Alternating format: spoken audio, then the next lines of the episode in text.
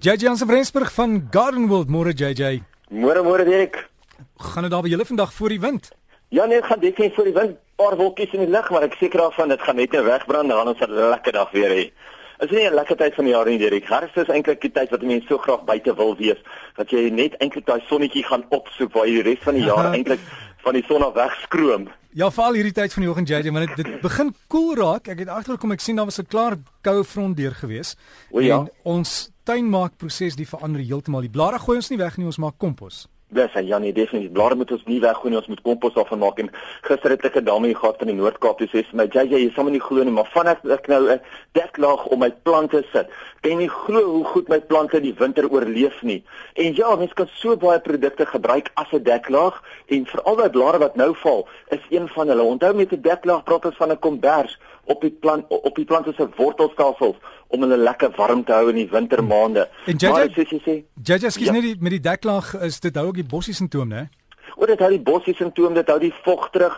Dit kry jou mikrobes in die grond. Dit kry mikrobiale aktiwiteite weer aan die gang dat jou plante, jou grond sommer weer baie lewe het. So daar's soveel voordele aan deklaag en bossies uithou is definitief ook een van hulle.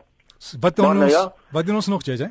Soos jy gesê het, ons kan dit later kan ons nou begin bymekaar maak, dat ons kompos daarvan kan maak en sodra mense lekker groot hoop het, gaan ons kompos kan maak. Ek gaan volgende week vir ons bietjie vertel oor hoe om kompos te maak. Maar Derek, het jy agtergekom dat die kosmos vir hierdie jaar vir my geweldig min was? Was dit nie vir jou ook so nie?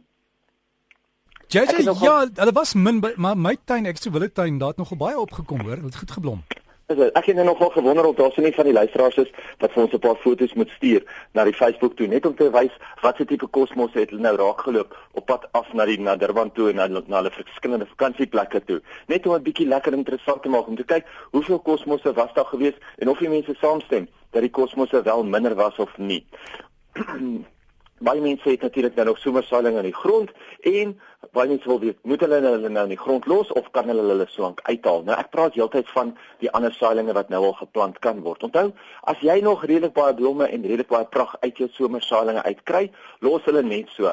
Moenie nou hulle nou al van hulle ontsla raak nie maar wat jy wel kan doen is onthou as mense een keer 'n jaar jou grond goed voorberei vir jou saailinge is dit genoeg So as jy mens nou tussen jou somersaailinge begin om net effens los te maak, bietjie kompos in te sit en solank jou wintersaailinge tussen die somersaailinge in te plant, gaan dit nie 'n probleem wees nie. Dan teen die tyd dat jou somersaailinge nou regtig uitgeblom het, gaan jou wintersaailinge kan oorneem.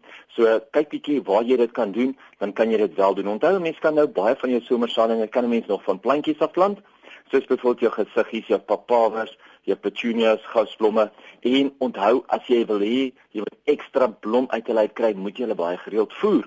Nou wat baie lekker is is as jy oplosbare voedingsstof gebruik, ietsie soos byvoorbeeld oplosbare 316.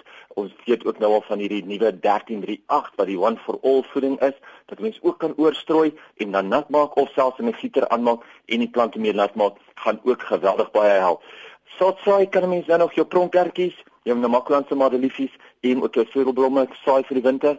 Onthou dat jy dit nou vinnig moet doen want hulle gaan 3 maande neem voordat hulle mooi gaan blom en jy wil hulle met mooi blom voordat jy hulle moet uithaal weer vir jou so, somersaailinge. So pronkertjies, maklanse liefies, steepelblomme en nog baie meer kan 'n mens nou saai. 'n Mens moet nou begin kyk na jou onkruide wat veral in jou beddings en oral opkom in daai moeilike areas en al daai onkruide is besig om saad te skiet en as jy nie nou van daai saad gaan ontslaa raak nie, gaan jy heel eerste groei in die lengte gaan net 'n klomp onkruide wees. So gaan deur jou tuin en raak nou ontslaa van die onkruide. Dit is redelik maklik om nou uit te trek, veral nou dat hulle begin afhard en so aan, maar doen dit gou voordat hulle saad skiet en dan weet jy dat jy baie minder as uh, onkruide gaan hê in die nuwe seisoen. Mens moet nou jou plante voer en veral jou graswerk met ietsie wat hoog is in kalium, ietsie soos byvoorbeeld 'n 315 sal baie goed werk. Onthou daai kalium aan die einde maak jou graswerk en maak jou selle in jou plante lekker sterk. So gepraat van graswerke, dis ook nou die tyd dat jy jou gras snyer effens hoër moet stel. Stel hom net so een of twee nommertjies hoër dat jy hom nie heeltemal so kaal sny soos wat jy hom gewoonlik in die winter sou sny nie. So sny hom eerder nou 'n bietjie langer, 'n bietjie hoër en dan sal hy ook baie goed werk. Ek het hier week hierdie week het ek ook 'n dame gehad wat my gesê het sy maak sommer haar plante met 'n swart sak toe. En is dit reg of is dit verkeerd? Veral nou haar standaarde. Nou weet jy dit is glad nie 'n probleem nie. Jy kan jou standaarde kan jy met 'n swart sak toemaak as 'n swart sak oor hom pas. grootste probleem gaan wees as jy die swart sak daar los vir die volgende dag as die son gaan begin skyn en hy gaan daai plante begin brand. So as jy nou byvoorbeeld noodgedwonge 'n swart sak moet gebruik of 'n tipe van 'n plastiek moet gebruik om jou plante toe te maak, onthou net dat jy dit wel die volgende oggend vroeg moet afhaal, andersins gaan jy 'n probleem hê dat dit al jou plante gaan brand. Ek was gisterand by 'n funksie om te praat so 'n bietjie oor uh inheemse tuinstigmas en een van hulle is dat alle inheemse plante is baie koue gehard en alle inheemse plante is baie waterwys. En dit is heeltemal verkeerd, weet jy? Ons moet onthou, ons kan nie verwag dat die hele land se plante in al die verskillende streke en biome onder een kam geskeer kan word nie. Ons moet onthou dat daar is wel tropiese gedeeltes in die land en daar is wel gedeeltes wat baie meer water kry as ander. So maak maar net seker dat jy wel as jy noodwendig wil inheemse plante hê wat wel in jou area baie goed aard en wat wel in jou area waterwys is, moet jy probeer probeer om lokaal inheemse plante te plant plante wat natuurlik in daai streek voorkom en nie noodwendig plante wat net inheems tot Suid-Afrika is nie.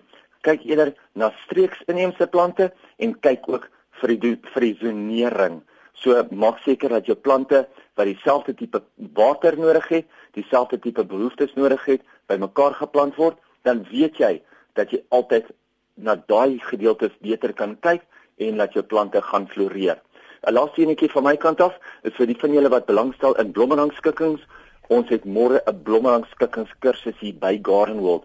So julle kan net ons kontak ons sommer op ons landlyn 011 956 3003 en dan kan ons julle verder help daarmee as julle graag môre 'n blommerangskikkingskursus hier by Garden World wil bywoon. Dit word deur Kraaival aangebied en ons het 'n internasionale spreker.